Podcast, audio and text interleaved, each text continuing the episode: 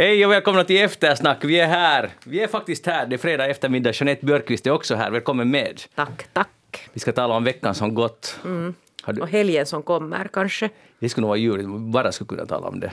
Nej men det är ju, kan man ju tala liksom i framtiden, man måste prata om det som har hänt också. En som alltid, eller i alla fall indirekt talar om framtiden faktiskt, är Anders Helenius. Hur?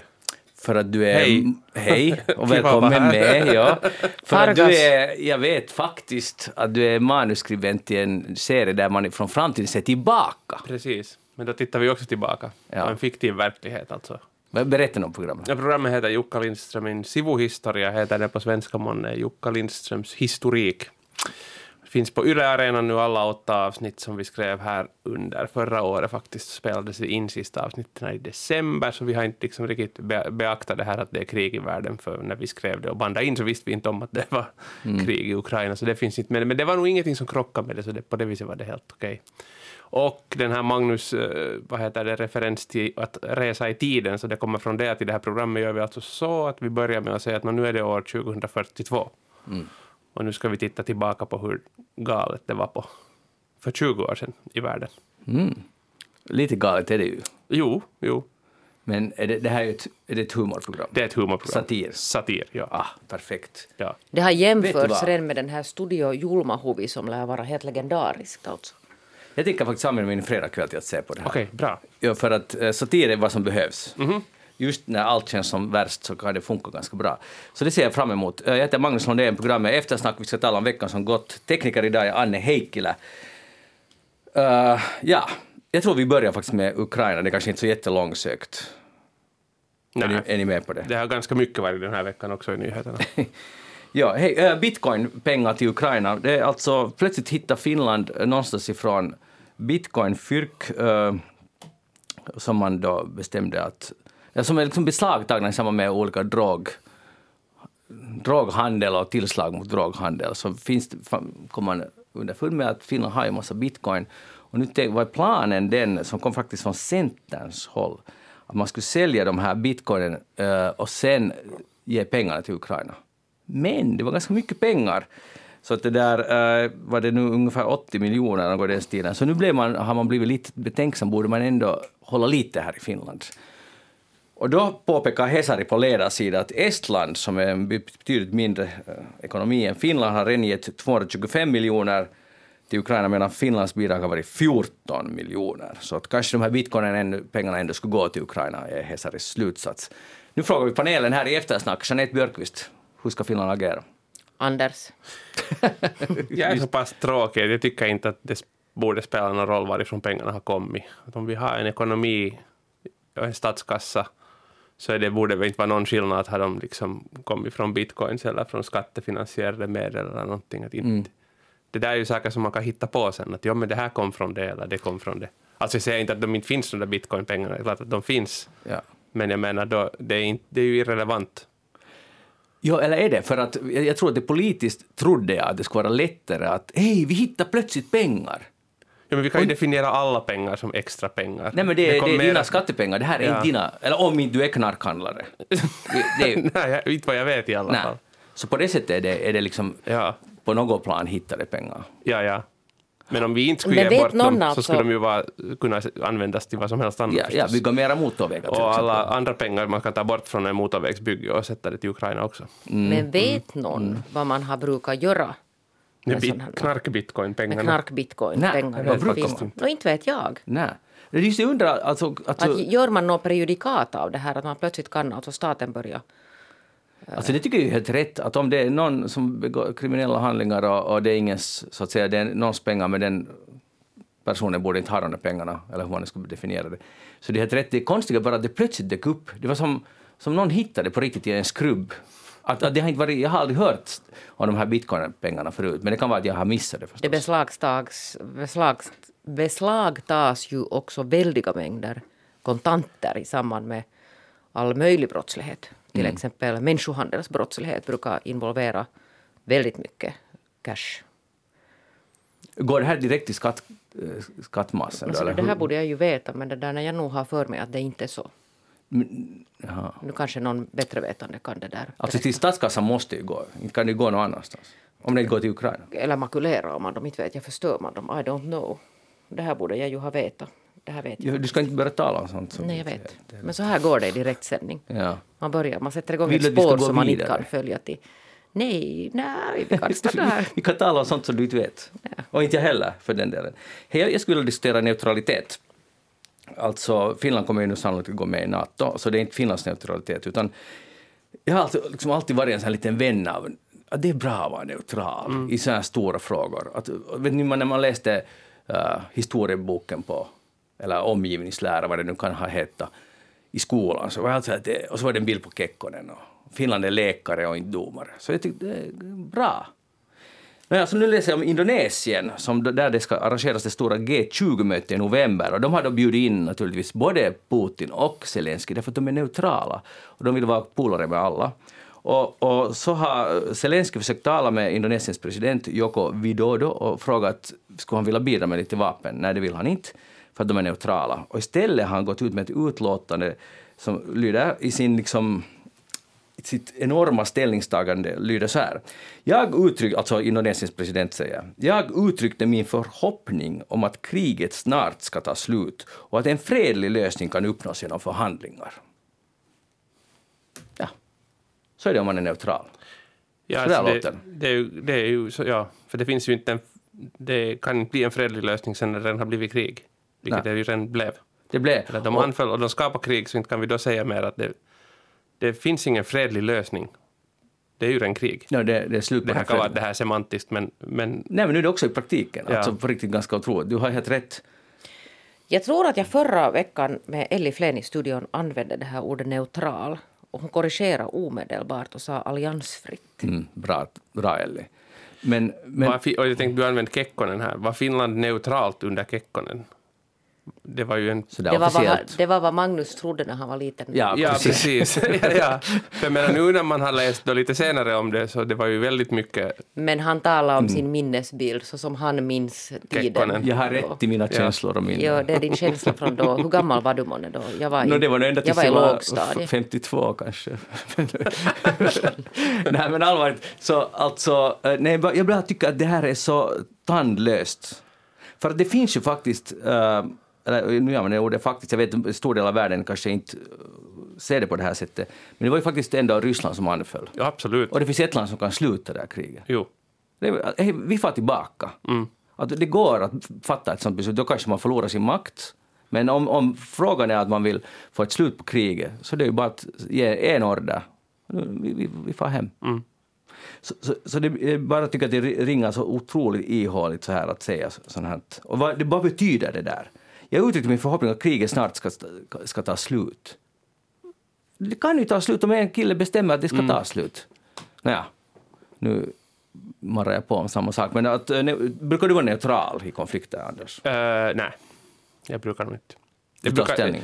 Ja, eller kanske från fall till fall på, till så långt att jag inte säger ut att jag inte är neutral. Det kan jag ju försöka. Och sen alltså rakt ut. Mm. Att det, så kan det ibland vara väldigt strategiskt fiffigt att göra. Att man inte uttrycker hemskt starka känslor åt något håll, Mm. men man sen själva verkar av en viss åsikt. Och sen tar man du- fram den där. Men tänk om det är så här Indonesiens president resonerar. Det kan ju vara, ja. Men talar du om konflikter där man inte är en part? Alltså, sån här Jo, man, inte, man är liksom Indonesien i, en, i en konflikt. Och, och då är det ju alltid lättare att på något sätt för att skydda sig själv och att inte bli indragen, att, att vara neutral, att inte ta ställning. Och jag kan tänka mig att Indonesien har handel mycket med Ryssland, eventuellt. Att det liksom handlar om sådana saker. Men jag menar bara att, att, att det som inte skulle behövas hemskt mycket nu är neutrala människor, neutrala länder. För att de, och, det är ju bara en from förhoppning, men det skulle vara ganska bra om det skulle vara enad front mot att ett land beter sig så här. Nu vet jag att det har ju varit massor av exempel efter, efter andra världskriget, länder, och inklusive USA, som har också startat krig och invaderat och hållit på. Och, och då har säkert många också varit neutrala till det, eller, och, och till och med varit på USAs sida. Så att, men det blir bara på något sätt ännu tydligare nu. Jag vet inte varför, men därför för att Ukraina är så pass nära Finland, att det på något sätt berör oss ännu mer. Det måste vara det. Mm. Så att, eh, ja, jag undrar. Jag, och sen läste jag en in- intervju med Zelensky som be, be, beskriver hur han känner sig så mycket äldre nu för tiden. Han, han har sett en massa saker han aldrig skulle ha velat se och han har lärt sig så mycket, han har aldrig, liksom fått en vishet som han aldrig skulle... Eller han kallar det wisdom, eller på engelska står det wisdom, men han kanske inte menar liksom som något jättepositivt, utan Nej. saker han inte skulle ha velat lära sig helt enkelt. Uh, och sen skriver han det som träffar mig liksom rakt i hjär- hjärtat, det där att uh, folk utanför Ukraina kan se på det här kriget på Instagram eller på sociala medier. När de inte mer orkar med det så kan de uh, scrolla vidare. Och just så gjorde jag på onsdag, så då var jag helt all in än en gång på Twitter och följde med. Och jag sov så otroligt dåligt den natten, alltså mardrömmar och panik, eller inte panik, men sådär vet jag, ah, liksom, det här är så hemskt. Sen nästa dag bestämde jag att nu tänker jag inte vara på, soc- på Twitter. Och då sov jag väldigt gott. Och det var just det vad Zelenskyj menar, vi kan bara stänga av om vi inte orkar. Men tycker du att det är rätt eller fel? Nej, Alltså, tror jag att något blir bättre av att jag inte sover och läser på Twitter, men jag menar ändå det finns en poäng i vad han säger, att vi har en ganska lycklig situation. Det är därför jag menar att, att, inte, att förhålla sig till exempel neutral tycker jag är ganska skamlöst. Ja.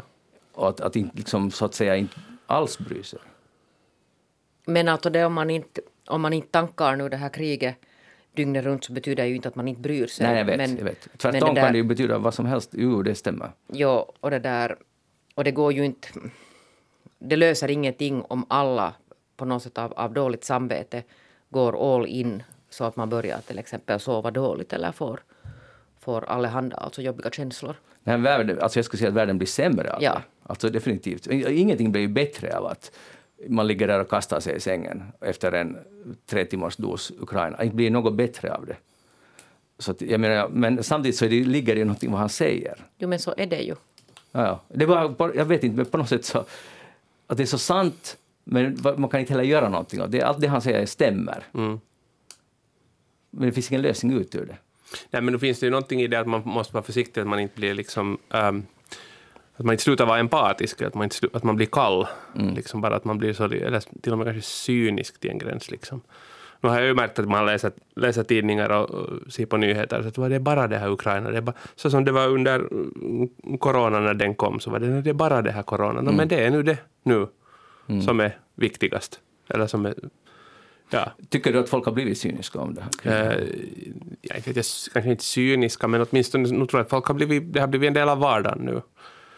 Till skillnad från hur det var när jag senast satt med i eftersnack och det var väldigt nytt. Det var två, tre dagar gammalt då. Så, så nu har, det ju liksom, nu har man ju kanske lite ändrat till det, att man är nu van att det och man är van att se de där bilderna därifrån. Och, så nu har det ju ändrat. Men när ni träffar kompisar brukar ni... Hej, ska vi tala om Ukraina? Eller, eller är det så att ni medvetet inte talar om Ukraina? Men ingen där skulle jag säga. Inte träffat, Nej, har jag riktigt några kompisar. men det vet Det var jag. det. Det där, inte så att jag att, liksom medvetet inte talar om. Det kan hända att, att man talar om det och om andra saker. Eller sen råkar man ha några andra saker att tala om den dagen.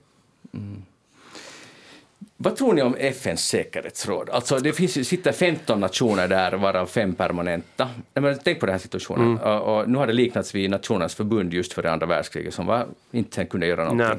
Och ena medlemmen är den som start, har startat det här kriget. Och de kan sitta där och blockera, vet, lägga i sitt veto mot vad som helst, ibland med stöd av Kina också. Att kan en sån... Ganska ofta har de här längs med åren Ja. tillsammans med Kina blockerat en väldig massa saker eller vattnat ur alltså resolutioner och sånt. Och den här, det här är den instansen som ska se till att det är fred på jorden, vilket de har förstås misslyckats med och det finns många orsaker till det. Alltså vi vill se man också bakåt. Men, men nu är det alltså ena krigförande land och kan sitta där, nej vi tycker inte om det här, nej vi tycker inte om det här, som är alltså en superpart i, en, i den här, den största konflikten i Europa sedan andra världskriget. Och, så hur kan en sån, alltså det kommer att gå under, alltså det kommer att krascha. Sen eh, FNs generalsekreterare är i Kiev och staden bombas samtidigt, här igår var det visst. Det är också en signal om vad Ryssland tycker om FN. Ja, jag, vet inte vad den där liksom, men å andra sidan så inte har ju FN något ehm, vapen till exempel. Har de ju något sätt att stoppa ett krig som är igång? Nej. Annat än då möjligen, som Guterres väl har försökt, att han skulle kunna agera någon sorts uh, fredsförhandlare på någon front. Eh, men de har ju ingenting. Jag menar, där- därför är det, det går, inte kan de ju gå in med trupper som de inte har, eller de kan inte säga att om ni inte nu slutar så gör vi så här, för de kan inte göra någonting. De kan ju gå in först sen när det finns ett läge där det ska bevaras fred. Det finns det ju resurser och trupper och, och så till, eller sen då gå in med humanitär hjälp, det gör de ju i och för sig mycket. Men. Så inte, inte kan de ju fungera som världspolis heller, eller ens säkerhetsrådet göra det då, när de inte har någonting att sätta emot den som har tagit till vapen. Men det här är igen det som vi talade om förra eftersnacket, att när en inte bryr sig om regler, så då står ju resten av världen ganska handfallen. För vad Ja. ska man göra? Det finns inte så mycket man kan göra. Så, ah, ja, du tycker inte om reglerna. Okej. Okay. Du blir utesluten härifrån, du blir utesluten därifrån. Men att, är fine. ja, fine. det passar bra som. Ryssland nu säger. Att, Ja. det, det, att de där organisationerna alla, de funkar ändå inte. Det är ändå USA som styr allt. Ja. Ryssland har ju alltså av, av tradition haft, haft allehanda alltså klascher med sådana människorättsorgan, alltså både den här europeiska människorättssystemet som de, de har varit involverade och blivit alltså uteslutna ur och nu också med den här FNs, att det på något sätt det där kanske aldrig äh, tidigare heller har begränsat dem så mycket i det vad de gör. Och sen, det, som, det har varit mycket snack om de här sanktionerna om också finländska företag som sticker ut ur Ryssland. Nu var det Valjo som sålde sin verksamhet. Och jag bara funderar på det där, att, att vilken effekt har det egentligen? Uh, nu sålde de sin verksamhet och köpesumman uppgavs inte, men det var uppenbarligen ganska förmånligt. Ost, alltså tillverkningen kommer att fortsätta och den här Viola-osten som är legendarisk i Ryssland kommer att fortsätta. De köpte liksom Brande också. Så egentligen är det ju en ganska bra deal för Ryssland. För rysk business. Hej, vi får en fabrik billigt, eh, all know-how stannar kvar. Jag vet inte sen att de kanske inte får tillverka alla uh, varumärken som de har tillverkat tidigare, men Viola i alla fall, som är viktigt brand i Ryssland. Så, så, och det, det, Ryssland jublar nu över det här. Det här kommer att skapa ett ekonomiskt välstånd hos oss. Att vi får, det sa de här, en, en, det var någon högt uppsatt sa att, att det här kommer att skapa ett välstånd hos Ryssland. Att vi kommer att få massa fabriker billigt. Mm. Och så börjar vi tillverka allt själv och pengarna får inte till väst. Funkar på det? Ja. Det var inte så det var tanken. Det provades ju på det där någon gång tidigare, att ha alla fabriker själva. Och, och man tyckte också i början då att det var en bra idé och sen sa man också ända till bittra slutet att det är en jättebra idé när man pratar med någon som var på, på andra sidan järnridån. Så jag, jag är nu inte helt övertygad om Tills att det det kommer att bli tills det sen kraschar. Men 70 år, eller näst, nästan 70 år. Ja, Nåja, äh, ska vi tala om mera lättförståeliga saker? Äh, Centern har valt ny kulturminister. oho. Anders, vad heter han? Ja, heter han också Kurvinen? Kurhinen? Nej, jag, jag måste säga, jag, för att nu vara uppriktig, jag skulle inte ha vetat det heller. Okej. Men jag läste på. Petri Honkonen. Honkonen? Nej, det var ganska nära. Hur mångt det var han nu? Eller vilken i ordningen som det heter på korrekt svenska? Ja, äh, jag vet inte, men det är ganska många. Han är faktiskt utbildad historielärare. Det, är- det är plus. Men sen tänkte jag att jag skulle läsa nu alla hans kulturpolitiska ställningstaganden. Liksom han, att han är säkert en kulturmänniska som har engagerat sig djupt, djupt i ku- kulturvärlden. Och nu, nu har han någons telefon här på... Ser du? Ganska retro. Nåja, eh, så jag hittar egentligen ingenting. På Wikipedia finns det insatt eh, här, ganska nyligen några saker att han, eh, att han har sagt att kulturen ger oss samhörighet och trygghet i en turbulent värld. Tycker ni att det stämmer? Kan det säkert, nu är det ganska brett uttryckt att vad, vad den här kulturen Aj, ja. är. Men nu är det kanske det där sånt som man ska säga första dagen på jobbet som kulturminister. Nej, han sa, han, det var faktiskt plockat från en liten tid tillbaka, men det var en av de få utlåtanden som hittas. Och på hans webbplats nämns inte ordet kultur en enda gång. Ja, Så att han är inte på det sättet en kulturprofil. nej just det. Och du är ju inom kulturbranschen. Ja, Så är det, oroar du dig för det här? nej inte egentligen. Varför inte? No, jag, har inte, jag har inte varit verksam hemskt mycket i sådana branscher som är, är vad heter det, beroende av att staten hjälper till på något sätt. Okej. Jeanette tycker att kultur, en kulturminister borde liksom vara insatt i det, vad man ska vara minister för. Nå, inte vet jag, det finns en massa människor som blir utsedda till ministrar utan någon som helst alltså kunskap. De leder ju sen ett ministerium där det finns en tjänstemannakunskap som, inte, som är liksom bra och dåligt för att man borde ju ha några visioner också, att vad man vill med sitt ministerium. Och sen finns det sådana här eh, ministrar som väljs alltså på basis. Till exempel vår justitieminister just nu är ju etablerad inom liksom sin sektor. Men mm, det finns ju då alltså, man talar ju om att det finns olika tyngd på sådana här ministerportföljer. Finansminister och statsminister är förstås de här, de här absoluta toppportföljerna när man delar ut ministerportföljer. Nu har man ju nog visat med all önskvärd tydlighet eh, de här senaste åren. Att en väldigt lätt ministerportfölj är den här kulturminister. Att, att den här rotationen eh, på den posten är ju... Det säger någonting nu om att, att hur man egentligen värderar den här kultur. Som ändå är, jag menar särskilt nu efter, efter de här coronaåren när kultur, kultursektorn har varit kanske också av den orsaken ganska så där undansatta för att det har ju uppenbart inte funnits nu en sån här vet ni, stark eh, passionerad kulturminister som verkligen står för sitt fält. Mm. Och sen har det ju gått som det har gått och, och kulturfältet har sen själv efter många om och men försökt alltså göra ett uppror. Så jag tycker att det är kanske lite ledsamt det där att det ser, i alla fall utifrån sett så ser det ut som att, att den värderas inte särskilt högt. Och det är dåligt att den inte värderas högt. Nej, men hör du nu, kulturen ger oss samhörighet och trygghet i en turbulent värld. Så är det, men det krävs ju också en, en människa på den posten som skulle orka, nu ska vi nu säga minst två år. Ja, inte det, inte det ju kanske fast i den där personen och dens agenda. Nu är det ju tyvärr så att det är mängden pengar som hen kan distribuera eller mm. ministeriet kan distribuera och satsa. Nu är det ju det som är avgörande och inte kanske det att vem det är som delar ut de där pengarna. Men nu var det ju spännande under coronatiden som Jeanette nämnde, äh, att, att hur låg profil och hur uselt det sköttes ändå, kultursektorn då. Och jag menar, trots alla de här protesterna, så nu skulle det där ha behövts, helt, jag håller helt med dig, en, en starkare profil som, som faktiskt tog sig an den här saken och förde ja, upp där det till... mitt i så gjorde man ju dessutom alltså ett ministerbyte. Ja, man bytte, bytte mitt mm. i. Ja.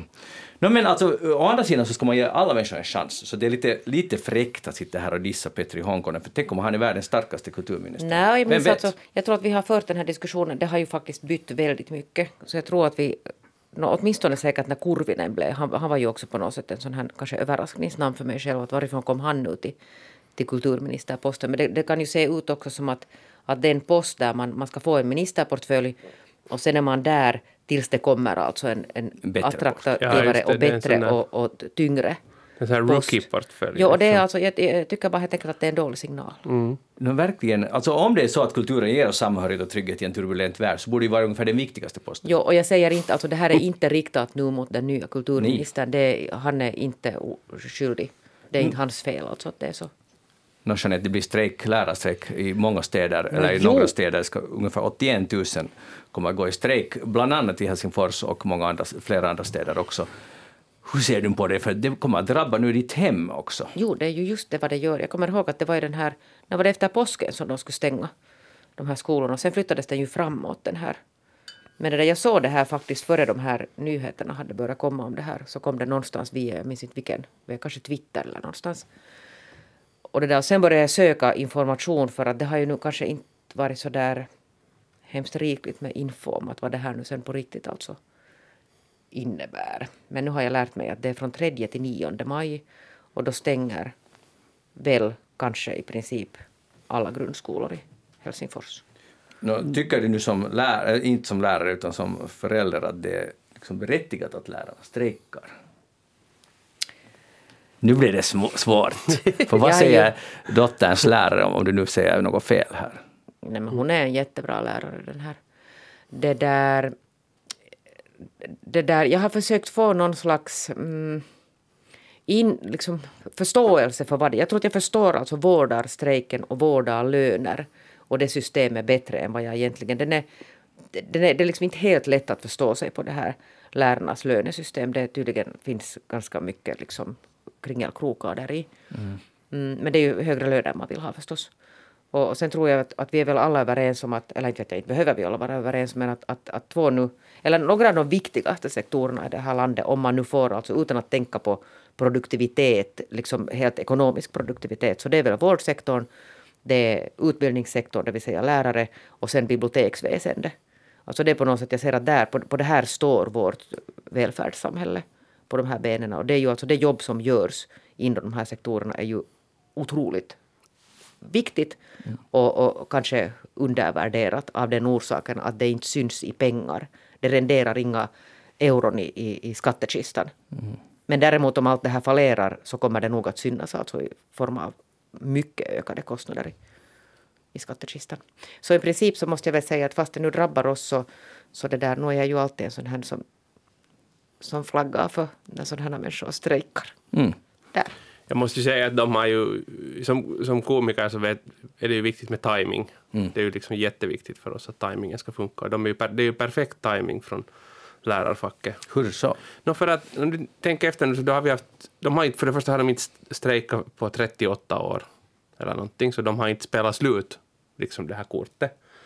Uh, och Okej, sjukskötarna har, de har haft ett enormt jobb de senaste åren på grund av coronan. Men vi har Och ingen, innan det också. och innan det också, men speciellt nu. Och, och den, det har vi liksom hört om nu, att det har varit tungt och jobbigt och det har varit massor och det har varit farligt och allt möjligt. Men vi har inte upplevt det. Däremot så har vi alla i färskt minne, och jag personligen, hur det var att, att ha liksom tre årskurser samtidigt i hemskola. Ja, du tänker så. Och jag, man var ju slut efter tre veckor. Så vi har liksom full förståelse för lärarna nu och man är så att jag absolut tar mina pengar. När som helst. Timing is everything. För att det var nog, det var nog riktigt jobbigt. Och, Jo. då, och nu är alla så att jo herregud, nej, ni har nog ett sånt jobb ni att ni klarar av det där. Att, hoho. Så folket har dem åtminstone på sin sida tror jag. Ja, och sen är Mhm. det alltså det för att det, det, det liksom, alla utredningar som har gjorts alltså bland de här yrkesgrupperna visar ju det att det har varit eh, lång tid, alltså åratal av sån här belastning. Alltså att de är trötta och de är slut och det har gjorts alltså reformer, till exempel inom, inom utbildningsväsendet, reformer som alltså faktiskt har, har tärt på otroligt mycket. Det var någon som talade om någon vad var det, projektrumba, att det kommer projekt efter projekt och liksom lärarna förväntas, förväntas genomföra allt möjligt och, och vet ni, integration, integrerade liksom klasser och, och nya sådana här läro, vad heter de? Läroplan. läroplaner.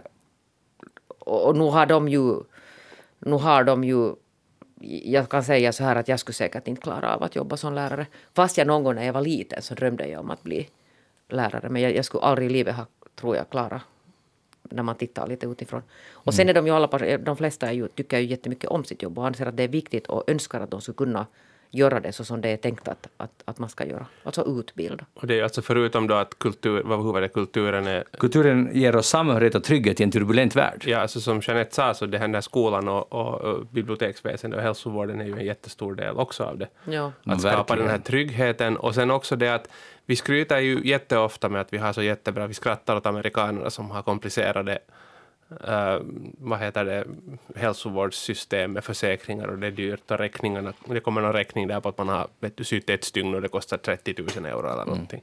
Och vi skrattar åt det. Nej, nej, vi har nog så bra system här i Finland och det fungerar nog så bra och man får så bra vård. Och, och när Sauli var sjuk eh, så fick han vård för han var inte mailats på sjukhuset och det funkar jättebra fast han är president så det var riktigt lika bra vård åt honom som alla andra. Och, och vi har världens bästa skola och vi är stolta över den och, och svenskarna tar efter och vi exporterar den. Men sen ändå så är vi inte kanske riktigt beredda att investera i att för de här måste ju vara attraktiva branscher för att folk ska söka sig dit och studera och bli bra, bra proffs på sina jobb. Och sen är det ju faktiskt så att eh, en lärare kan ju faktiskt förändra en ung människas liv. Alltså, Helt och hållet. Alltså helt och hållet. Styra. Det finns otaliga sådana berättelser. Ja, jag hade den där och den där läraren. Ja, Ja, jag säger ja. Margareta Danielsson i Ebbo lågstadieskola. Ja, nu börjar det. Du har sagt det där tidigare, men, men exakt. Bra. Tyvärr är hon död nu, men jag bjöd henne på min Fredrika Runebergsfest och det är jag glad för. Bra gjort. Och vad har du tänkt på den här veckan? Nå hör du, ja det där, mm, den här Mika Salminen, som vi alla vet från THL. Ja, Så- plötsligt, ja, jag, jag, vet, jag tror jag vet vem du menar. någon gång hört namnet. Nå, han har nu alltså det där varit som ni säkert har hört i en sån här Yle-dokumentär, jag har inte sett den här alltså, det är någon sån här minidokumentär om coronan. Så se, har, se, har han sagt alltså där, kritisera företagshälsovårdssystemet och kallar det alltså ineffektivt och korkat. Och det här är nu redan säkert över en vecka sedan det här dök upp. Och det där, nu har ju diskussionen på något sätt tagit fart. Att den, den första reaktionen när det här kom ut var det att både arbetstagare och arbetsgivare, alltså arbetstagarorganisationerna och arbetsgivarorganisationerna blev helt rasande. Alltså det var fullständigt alltså att man kan inte ens diskutera det här. Att, att då attackerar man på något sätt hur täcks Mika Salminen gå ut och kritisera ett system som är så fantastiskt. Och sen ville ingen riktigt alltså gå in i den här, att vad handlar den här alltså kritiken egentligen om? Och det beror ju på att, att antagligen alla som har kritiserat är sådana som sorterar alltså under den här företagshälsovården. Och det är klart att det är ett fantastiskt system för alla som är inbegripna i det. Men det finns ju en, en väldig massa människor som inte är det. Och sen har det gått, jag läste idag, alltså Husis hade en ledare om det här att, att vi måste kunna diskutera den här företagshälsovården. Som alltså har blivit någon slags sån här helt underligt system som inte finns alltså egentligen i något annat land. Det var ju meningen att det skulle vara sån här förebyggande för att hålla alltså jobbarna på, i, i skick.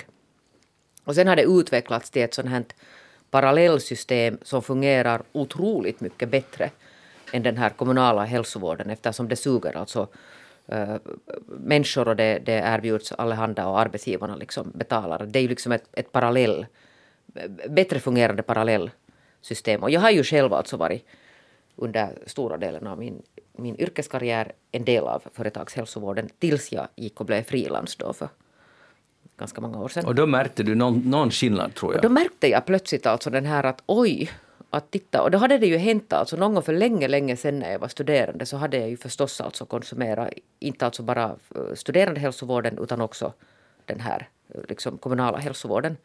Men det hade ju hänt mycket under de åren jag hade surfat omkring där och haft det lyxigt i, i företagshälsovården. Mm. Som onekligen alltså fungerar väldigt bra på alla möjliga sätt.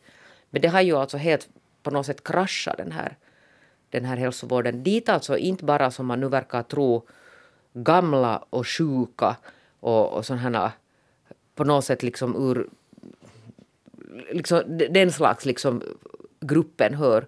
Utan dit sorterar ju också en massa människor som jobbar i atypiska arbetsförhållanden. Frilansare, nolltidsanställda, vet ni alla sådana för, för att nu är det sådär som att ja men de som jobbar har ju företagshälsovård och det är ju inte Nej, så. så det är verkligen inte. Och det som finns är ju ett minimikrav som i praktiken inte alltså ett företag måste ju inte erbjuda jätteomfattande hälsovård. Så det, det finns många på små företag som man har helt enkelt inte råd att ge sina anställda det här full företagshälsovård. Men alltså lyfta på hatten åt Salminen för det att han tog upp den här saken och sen sa han att, att det blev plockat ur sitt sammanhang och så vidare. Och, men att han vill gärna diskutera det och han står bakom orden han sa. Och det där, för att han har säkert själv en väldigt bra hälsovård där på THL och det är det, det som du lite antydde här som jag tycker är viktigt, att alla de som lever i systemet tror att alla andra också har det på samma sätt. Och det är det som, därför det inte blir någon ordentlig diskussion, för att alla som har det tycker att det är bra och vad, det, vad finns det att diskutera. Men jag tycker att det här problemet är reellt och verkligen och värt att diskutera, för det skapar ju två helt olika samhällsklasser i Finland. Det finns ju redan nu olika klasser, men att... Och det, det finns alltså, den, här, ja. de, den skillnaden finns redan? Jo, jo, den är helt reell. Det är liksom ingenting att snacka om. Och själv har, ända tills helt nyligen har jag aldrig i livet haft äh, företagshälsovård och nu ser jag hur otroligt lyxigt det är. Alltså det är, helt, som en... Alltså jag, jag kan fortfarande inte tro att det, det, är sant att jag kan gå. Jag har nu Eh, Eh, lite höftproblem eller ont i benen helt enkelt. Och nu kan jag gå och visa det utan att kämpa under tiden och bli liksom, man blir ofta ganska, alltså den offentliga vården är ju fin på många sätt i Finland. Alltså när man har akuta problem, olyckor och sen när man är svårt sjuk så funkar det helt fantastiskt. Men det, det finns en gråzon, eller mellanzonen däremellan där man liksom kanske inte blir tagen så hemskt på allvar och det tar jättelång tid och det är trögt och det är nog svårt helt enkelt. Och det leder till att man inte orkar kämpa om man är väldigt seg. Många är inte. Mm. Utan, men jag orkar, alltså, inte då, så att säga. Så tar man inte hand om sig själv. Och nu plötsligt så är det ett, ett telefonsamtal eller ett, man loggar in någonstans och så får man tid. Och det kostar ingenting för mig. Alltså, det, det är lyx, men det borde egentligen vara så på något sätt för alla. Att det skulle inte, vara, det skulle inte finnas uh, företagshälsovård, det skulle, finnas, det skulle funka perfekt för alla. Det är förstås en idealiserad bild, kan, kan, kan jo, aldrig uppfyllas. Men, ens, men... men ens ditåt alltså? Ja, nu finns det ju ditåt på pappret. Alltså det, nu, nu, finns det ju ett nummer jag kan ringa till. Jo, men alltså jag har ju den här, alltså jag, jag, jag erkänner helt, alltså ni kan, ni kan det där, ni kan dissa mig för det här, men jag erkänner helt att jag, jag trodde ju sen när jag tänkte att jaha, att nu har jag ingen företagshälsovård, att det där att nu ska jag ta mig an den här. Jag trodde ju att man kan boka tid på nätet till exempel. För mm. att så har jag gjort alltså hela mitt yrkesliv, att man går in på på, på datorn och sen bam, bam, bam, så har jag 15 minuter senare eller 20 minuter senare mm. har jag besök hos läkaren. Mm. Och det var ju inte alls så. Och jag kan säga att under mina alltså de här fri, frilansåren, när blev jag? 2016, början av, av 2016, så har jag kanske två eller tre gånger gjort något sånt här försök att, att få någon tid på min lokala hälsostation. Jag har aldrig alltså lyckats. Jag har aldrig kommit så långt som till att jag ens skulle ha kommit alltså kunna få träffa någon. Men det där funkar säkert olika, för jag vet i Pargas är det ganska bra. Ja, har jag, jag, har inte, jag har bott där i tio år nu och jag har, i och för sig så bodde, före det bodde vi i Sankt Karins i några år. Och där funkar det också väldigt bra. Men jag har inte upplevt de här sakerna som folk säger att det är problematiskt i, jag tror att i Helsingfors det... eller till och med i Åbo eller Tammerfors där man säger att det är helt omöjligt att få läkartid. Jo, och, det, och, det... och det är inom, alltså det, det, finns, det lär finnas faktiskt hälsostationer i Ja. Helsingfors och Esbo som fungerar. Och så Just finns det, det såna, områden som är bättre uppstyrda. som alltså helt enkelt inte, det, det är bara helt enkelt Men det är väl det som är tanken med den här vårdreformen nu som är på kommande, att det ska bli bättre. Nu blir allt bra. Men, alltså det, som, nej, men det som har hänt är ju alltså det, för att det som har hänt alltså med mig också, jag har ingen egen försäkring, alltså, men en massa människor har ju börjat ta Jo. sån här privat hälsoförsäkring och så kan man med den sen gå dit och till sin Hela privata. idén med den nordiska Exakt. modellen är inte där. Nej, och det är ju det som är poängen. Ja. Att, det där, att det håller på liksom att styras mot ett sånt håll som inte på riktigt, eller det har ju redan gått åt det hållet, vi är redan alltså där. Där, där vi på riktigt, att om vi ska liksom upprätthålla en, en fungerande bashälsovård, sånt som i Sverige alltså, så är det så här att sen var det någon som hade bott i var det Österrike som i princip alltså också har ett sånt här välfärdssamhälle där man har alltså, där det lär vara så att den här kommunala vården är jämförbar alltså med företagshälsovård i Finland. Att det går att göra också så att, att den skulle vara på något sätt jämlik och, och alla liksom har, har rätt till samma service. Men jag har alltså så här som princip, och det kan vara det helt idiotiskt, men jag börjar inte ta någon försäkring, för jag tror på den offentliga vården. Alltså, för, alltså det måste funka. Ja. Vi betalar mycket skatt här. Jag tror också, Och- och sen har jag, de gångerna jag verkligen har behövt så har jag alltså gått på egen räkning sen till slut. Alltså har jag Mm. gått in på nätet och så har jag tagit min privata läkartid. Vi var ett gäng i, om man får skryta på, på den nordiska modellen, riktigt Absolut. bokstavligen, så var vi i Åre och skida och en i resesällskapet föll så illa att hen fick ont i knä och vi ville, tänkte att vi är bäst att fara och visa att det nu inte har blivit något värre. Vi åker in till hälsocentralen på Åre och det behöver bara visa ett finskt ID-kort så öppnas alla dörrar.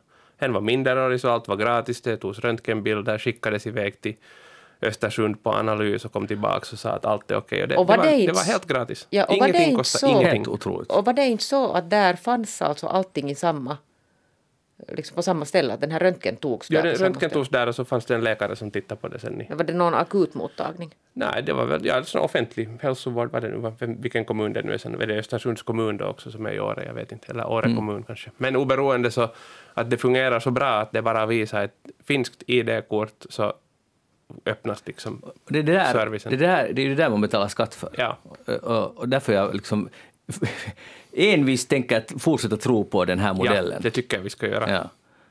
Yes. Men det är men den där- alltså att det- slutsatsen är ju att man måste kunna diskutera den här frågan. Jo, det är klart att man Ja. måste kunna. Och sen alltså måste man förstå om man har företagshälsovård att det är inte så här. Alla har inte det här. Och, och det kan inte vara så att det ska vara liksom knutet på något sätt till att, att om, du har en, om du har ett vettigt kontrakt hos en vettig arbetsgivare. Och, och komma ihåg att det kan finnas på samma arbetsplats alltså människor som inte har samma kontrakt och av den orsaken alltså inte har tillgång till samma, till samma service. Och sen måste man säga att, att specialsjukvården i Finland är ju toppkvalitet så länge de här vårdarna orkar alltså jobba kvar där. Och sån här akutmottagning, men det är ju det där skiktet, alltså den här hälsostationen. Att om man vill gå nu, säg, eh, kolla sitt födelsemärke, att där inte är någon sån här hudcancer. Så det är liksom den servicen som är helt alltså på dekis. Men det måste man ju säga också, att nu nu kan jag samtidigt tycka att det här eh, kan vara en bra sak om vi ska locka folk till exempel utomlands ifrån hit, toppexperter och så vidare, att de här företagen fortfarande kan erbjuda en väldigt bra Men Anders, företagshälsovård. jo, alltså där, jag tror man För vi kommer inte att komma upp till samma nivå eh, som ett, liksom, på, på offentliga sidan, tror jag. Eller kan vi?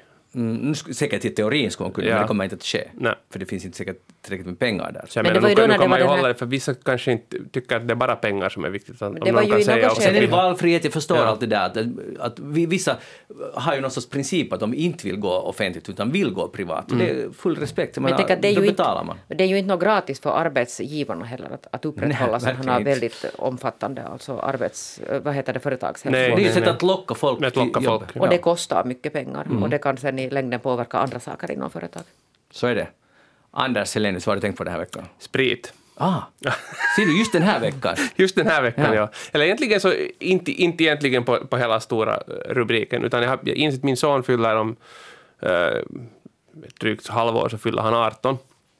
Och jag har märkt liksom nu, eller observerat, ofta när det pratas om det, att han är nästan myndig, så pratas, pratas det om det via alkohol. Mm. Snart får du gå på stop. Att nej, nej, ja, du får gå på, snart får han gå på pub och jag, jag säger inte själv, jag gör själv också det här emellanåt, jag får fast mig själv för det. Och det är liksom det som är den stora grejen, att nästa, nästa år sen så dricker vi säkert skumpa på den här kalasen, liksom, att aj, aj, att det är nog så. Men det är också så att han får rösträtt. Ja, men vad vad är nu det? Ja, jag tycker det är ganska intressant Bische att mot vi... rösträtt. Ja, men jag tror det är det som man tycker är lite intressant just, att man Ja. glömmer bort det, att det är ju faktiskt det också, ja. Och myndig och ansvar och Körkort. kö, no, körkort Om man vill ha. om man vill ha. Ja, Men det är framförallt främst- ansvarig för sig själv. Och säger det någonting om den finska alkoholkulturen? Ganska att det- Titta, såg du? Alltså Magnus Lundén här i studion, han lyste upp, han blev genast ett bische. Bara han fick säga bisse. Ja, Ja. I, i sändning. Och tänka på att imorgon blir det nog säkert, om inte ikväll redan, en bische. Ja. Så.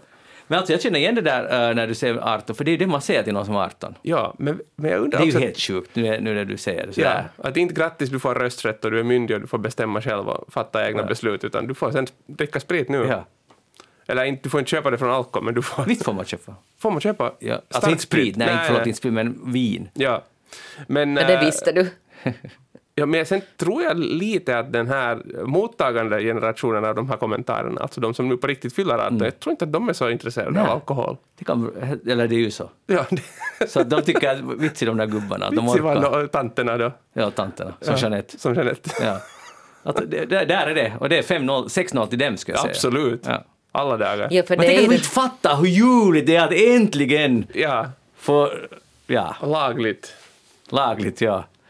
Jeanette, tanten. Nej, men jag skulle ju säga just, vi talade snabbt om det här med Anders här i studion förra, för att jag sa att det är ju nog den här, det är på något sätt just den här generationen Mm. som sitter nu här. Nå, Anders är lite yngre här, men, men det är ju vi som på något sätt tycker att det är så hyperstort. att man får det är ju löjligt. Vi kommer från Det en är nog- ja. Ja, ja.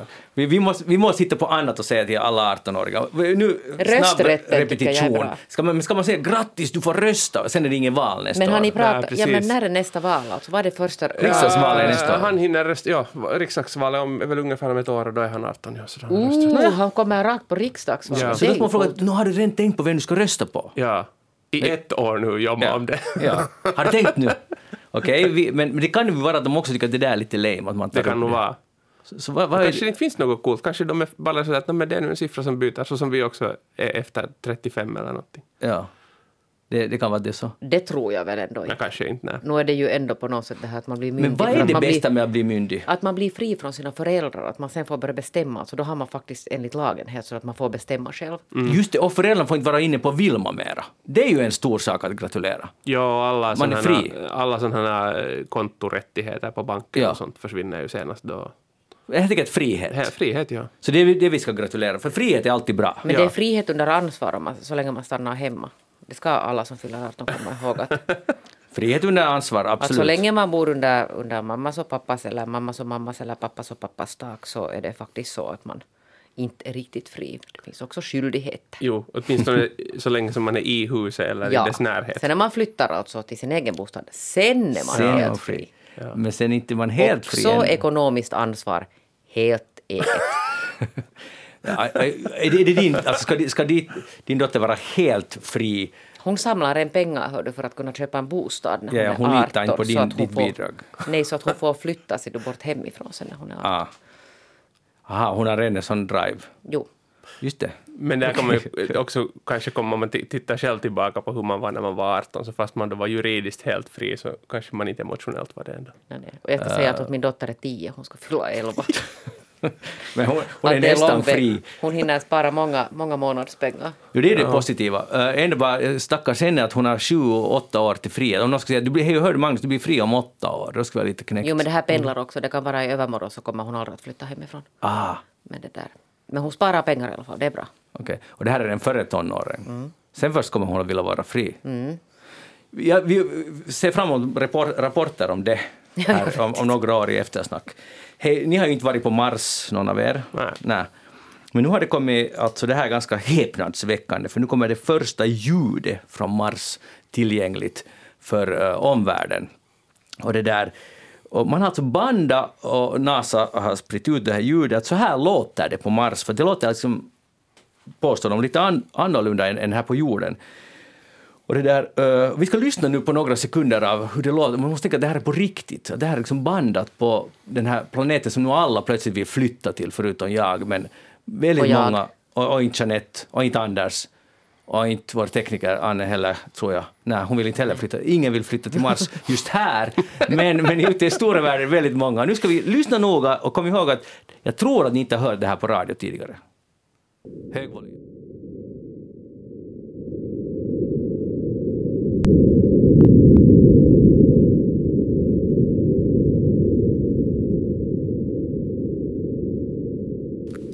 Ja, det var Mars. Det lät inte jättegästvänligt och liksom välkomnande. Det lät lite blåsigt. Det, det Ja. var ju det som det lät som. Det som blåst. Och det där, eh, nu är det, det som är spe, speciella med att, att eh, ljudhastigheten är lägre på Mars. Plus att det är någonting som är jättekonstigt. eh, eh, det är någonting, eh, det finns två olika ljudhastigheter på Mars, vilket betyder att Anders, om du och jag står och snackar med varandra fem meter ifrån varandra på Mars, Ja. så kan vi inte förstå varandra. För att den där rösten går liksom i kors. Allting, liksom, det, det funkar helt enkelt inte. Och det här tror jag de här, alla som drömmer om Mars, jag vet att de inte ska röra sig fritt i atmosfären, men de har inte tänkt på det, för vi kommer inte kunna snacka med varandra på Mars. Om inte man bygger någon sån här, vilket de väl har tänkt bygga ja. någon sorts bubbla som är som jorden och där inne, inne, inne måste ju det funka. Absolut, det förstår jag. Men det, och jag tror inte heller man har kanske inte tänkt sig att man ska kommunicera med varandra liksom ute på, när man vandrar på Mars yta, för det, man dör ju ganska snabbt. Ja. Så då kommer vi till det här, ljudet är uselt, vi kommer inte förstå varandra och, och alla, alla förhållanden är ganska vidriga och ändå vill vi dit. Ja. Men vem är det nu som vill dit? Jag, jag, vi, det var inte någon på Yle i alla fall. Det såg vi just, men vem är det? Men det, men, Men när du sa att alla vill flytta till Mars, så varifrån kommer någon sån uppfattning? När man läser tidningen så är det så här mycket snack om Mars och det ska nu skickas det ena och det andra dit och så vi ska bygga en koloni där och, och, och sånt här. Och det är ju mycket snack, eller väldigt mycket snack. Men jag tycker att det snacket borde helt säkert sluta. Vi har ju faktiskt en egen planet att sköta Jo, alltså, ja, och problemet är alltså, jag tror att det är just det där att, att orsaken att, att varför vissa människor, sannolikt med väldiga mängder pengar, är så motiverade att flytta till Mars är det att man har liksom så att säga förstört den här planeten så tänker man att det här kommer nu ändå liksom att det här är dömt till undergång att då flyttar man till Mars och, tar, så tar man liksom och så fortsätter men, man. men det är ju ingen idé med det för att det är ju liksom, vi får ju förstöra den här ganska, ganska jättemycket mer än vad vi nu håller på att förstöra. Vi kan till och med öka takten och ändå tar det hundratals år förrän det är så skitförhållande Jo, som men jag det är tycker på Mars. det... Men, men är det alltså- något som du rekommenderar? Vi ska öka takten. nej, nej, inte alls. Inte överhuvudtaget. Men jag menar, inte, det är ju en plan B. Inte. Nej, och det, Nej. jag tycker att det är på något sätt så oansvarigt att man inte, tänk om man skulle sätta all den här kapaciteten och intresse och fokus på att titta att vad kan vi göra för att stoppa det som pågår på jorden. Men att det här att man liksom bara, att men man bara liksom, ah, men vi lämnar liksom de här problemen och så söker vi, vi söker tekniska lösningar och vi söker en ny planet att bo på istället för att fan anamma tar liksom nu en gång för alla ansvar för vår livsstil och det vad Och vi bli håller på 18 att år göra. gamla. Ja. Men Det är lång Riktigt sådär dit. mentalt alltså att, att nu bara liksom måste vi skärpa oss. Men nu handlar det väl om någon sorts sån här, liksom, nu är det ju en skiffig dröm som det måste handla om. Inte kan, det kan inte, jag kan inte tro att någon på riktigt tycker att det är ett fiffigt sätt att lösa det här, att vi flyttar alla dit istället, där det är ännu sämre att vara. Det finns ju liksom- ingen det, logik det i finns det. Men ingen logik ju i att- det, men det måste ju vara något sånt här att vi har sett på också- filmer när vi var små och nu tycker vi att vi skulle också kunna bo på Mars. Men jag tror att där finns också någon sån här tro, alltså det har jag förstått alltså när jag har också läst de här, att man tror att, att men vi hittar på någon teknisk lösning så att, som vi kan alltså implementera på Mars som gör att sen, sen kan vi fortsätta alltså leva lite sådär som på jorden. Att människan på något sätt med den här tekniken ska lösa precis allting. Men äh, det finns ju en grej som jag tycker att, som jag ändå beundrar med de här Marsdrömmarna, alltså helt på allvar, och det är det att äh, det finns den goda sidan hos människan, att vi vill hitta på nytt och vi vill drivas så att säga framåt och, och, och utvecklas. Jag menar, det, det fanns ju en tid vi for från ett ganska eländigt äh, Europa till Amerika för att starta, börja allt på nytt.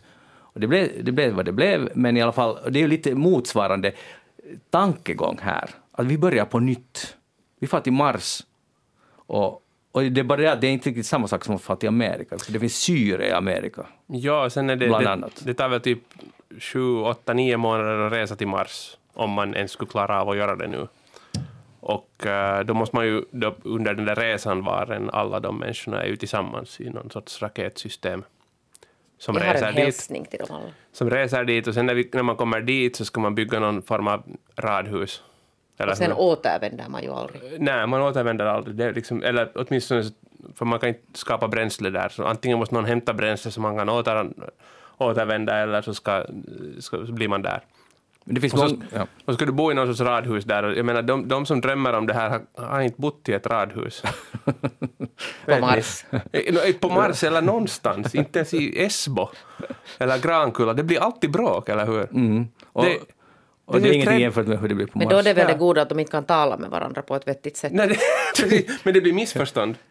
För att sant, en ja. säger en sak och andra förstår inte och sen man, måste park, man får inte parkera på gästplatsen på, Mm. på parkerings... Man får inte parkera sin Mars Rover där utan man måste parkera den på ens egen parkeringsplats. Och man får inte ladda sin Rover där utan man får bara använda den till att värma den på morgonen före man ska iväg. Det finns många problem de inte har tänkt på. Men var ska man fara där på Mars? No, det är nu något, inte vet jag, något City Market eller någonting säkert. Man måste bygga en sån, en prisma. och, och allt ska det är- rymmas under bubblan Ja, Och det är allt sånt som ska komma med från från jorden. Jag säger att terve menoa. Ja, nej, det ser nog illa ut. Jag, hoppas, men det, jag tror att Anders teori är ju nog ganska sann. Alltså att den är, i all sin enkelhet är det killar, män säkert oftast, som har sett på uh, Skiffy, och jag skulle kunna vara en av dem, uh, absolut. För jag förstår det här, to go where no one has gone before. Alltså nu är det ju ganska coolt. Nu förstår jag det. Men, men att, att det där, hur det nu blivit att vi ska bygga en koloni där, så jag tycker det är bara vansinne. Och tänk vilka enorma mängder pengar. Alltså, vi talar ju om så mycket fyrk som... Ja, men den här bitcoin till Ukraina är liksom en... nej, ingenting. Ja, det är helt enkelt noll jämfört med det. Så det var nu vår åsikt om den saken. Eh, Anders, jag är lite besviken för jag var på, eh, på en, ett event i Pargas. Jag gick tänkte att jag skulle gå dit för att träffa Anders Oj, i Pargas. Ett evenemang. Ett evenemang, Jaha. ursäkta dålig svenska. vad var det, var fattades jag? Piffens första hemmamatch. Nej, jag var inte där. Du var inte där? Jag var faktiskt uh, utom Socknes. Bra Tror ursäkt. jag. Okej. Hur, hur gick det? De- de förlorade. De förlorade ja. Det här var alltså redan en och en halv vecka sedan. Och det där... Vi kan klargöra för lyssnarna att det är alltså Pargas IF spelar i första division fotboll nu för tiden. precis. Jag känner nu att den här Anders inte är jätteengagerad om det är en och en halv vecka sedan och han frågar nu att hur gick det? Nej, jag brukar engagera mig sen när det blir avgörande lägen i olika idrottsevenemang. Aha. Semifinaler och sånt. Okej. Men, men eh, jag vill bara säga att det var, det, det var ganska trevligt. Jag tror att jag har lovat dig någon gång då när det blev klart att Piffen ska stiga till första division att, att jag ska gå på match. Så jag ska nog göra det. Så nästa gång kanske du är där. Nästa gång kanske, när är nästa match? du som vet. De hade bortamatch här. Jag måste säga att jag inte vet när det är exakt, men det, Okej. jag tror att det är typ på valborgsmässoafton. Ah, imorgon? Ungefär. Okej. Eller ikväll, någon där. Jag är inte heller där, för jag, jag är utom Socknes. Jag, är- jag är i Helsingfors. Så det är svagt. Ja, men jag ska nog gå. Hej, eh, hur brukar ni betrakta, det här talar till Jeanette som är stadsbo mer, jag vet inte hur ni har det, Eh, eh, husbolag? Har ni någon förhållande till det? Ja. Det var tio år sedan senast. Okej.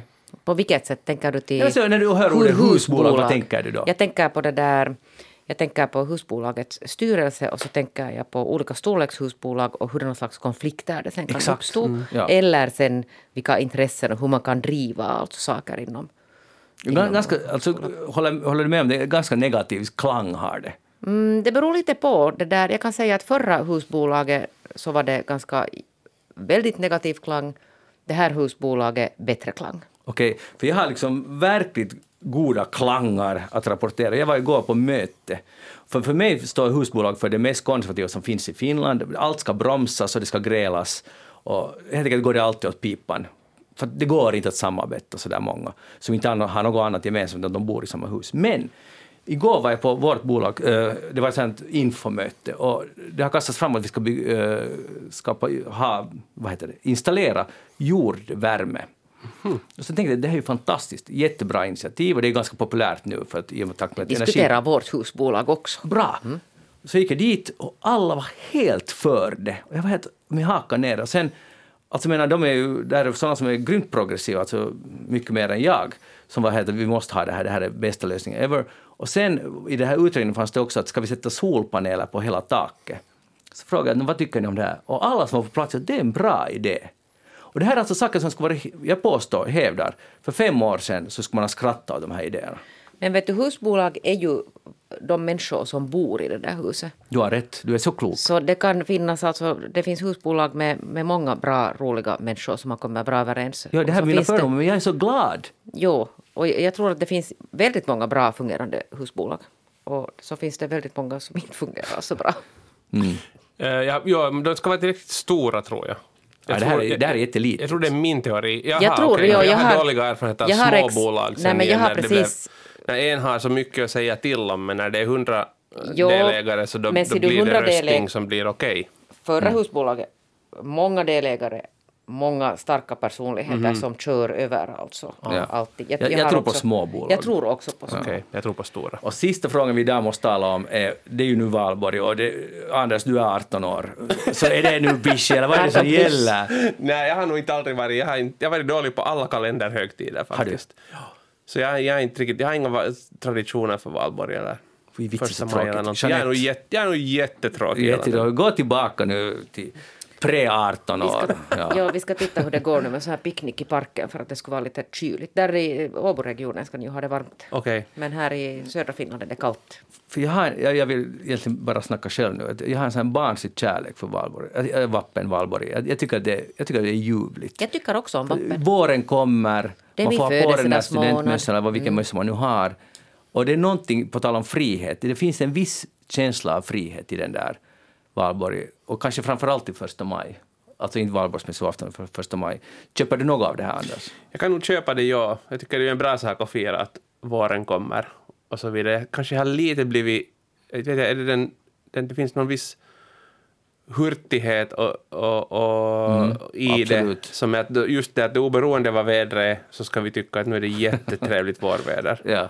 Ja. Att, som, som är på något sätt liksom, att nu, och nu ska vi nog ha jätteroligt för nu är det det här datumet. Och det är kanske det som har tagit emot för mig. Det är helt Men jag ska, jag ska sluta vara så tråkig. Jag Ja. ska någon gång... Alltså det är helt berättigad kritik. Jag håller, du, du har helt rätt. Det Träff, träffsäkert, full träffskänk, bom, bom och vad det heter.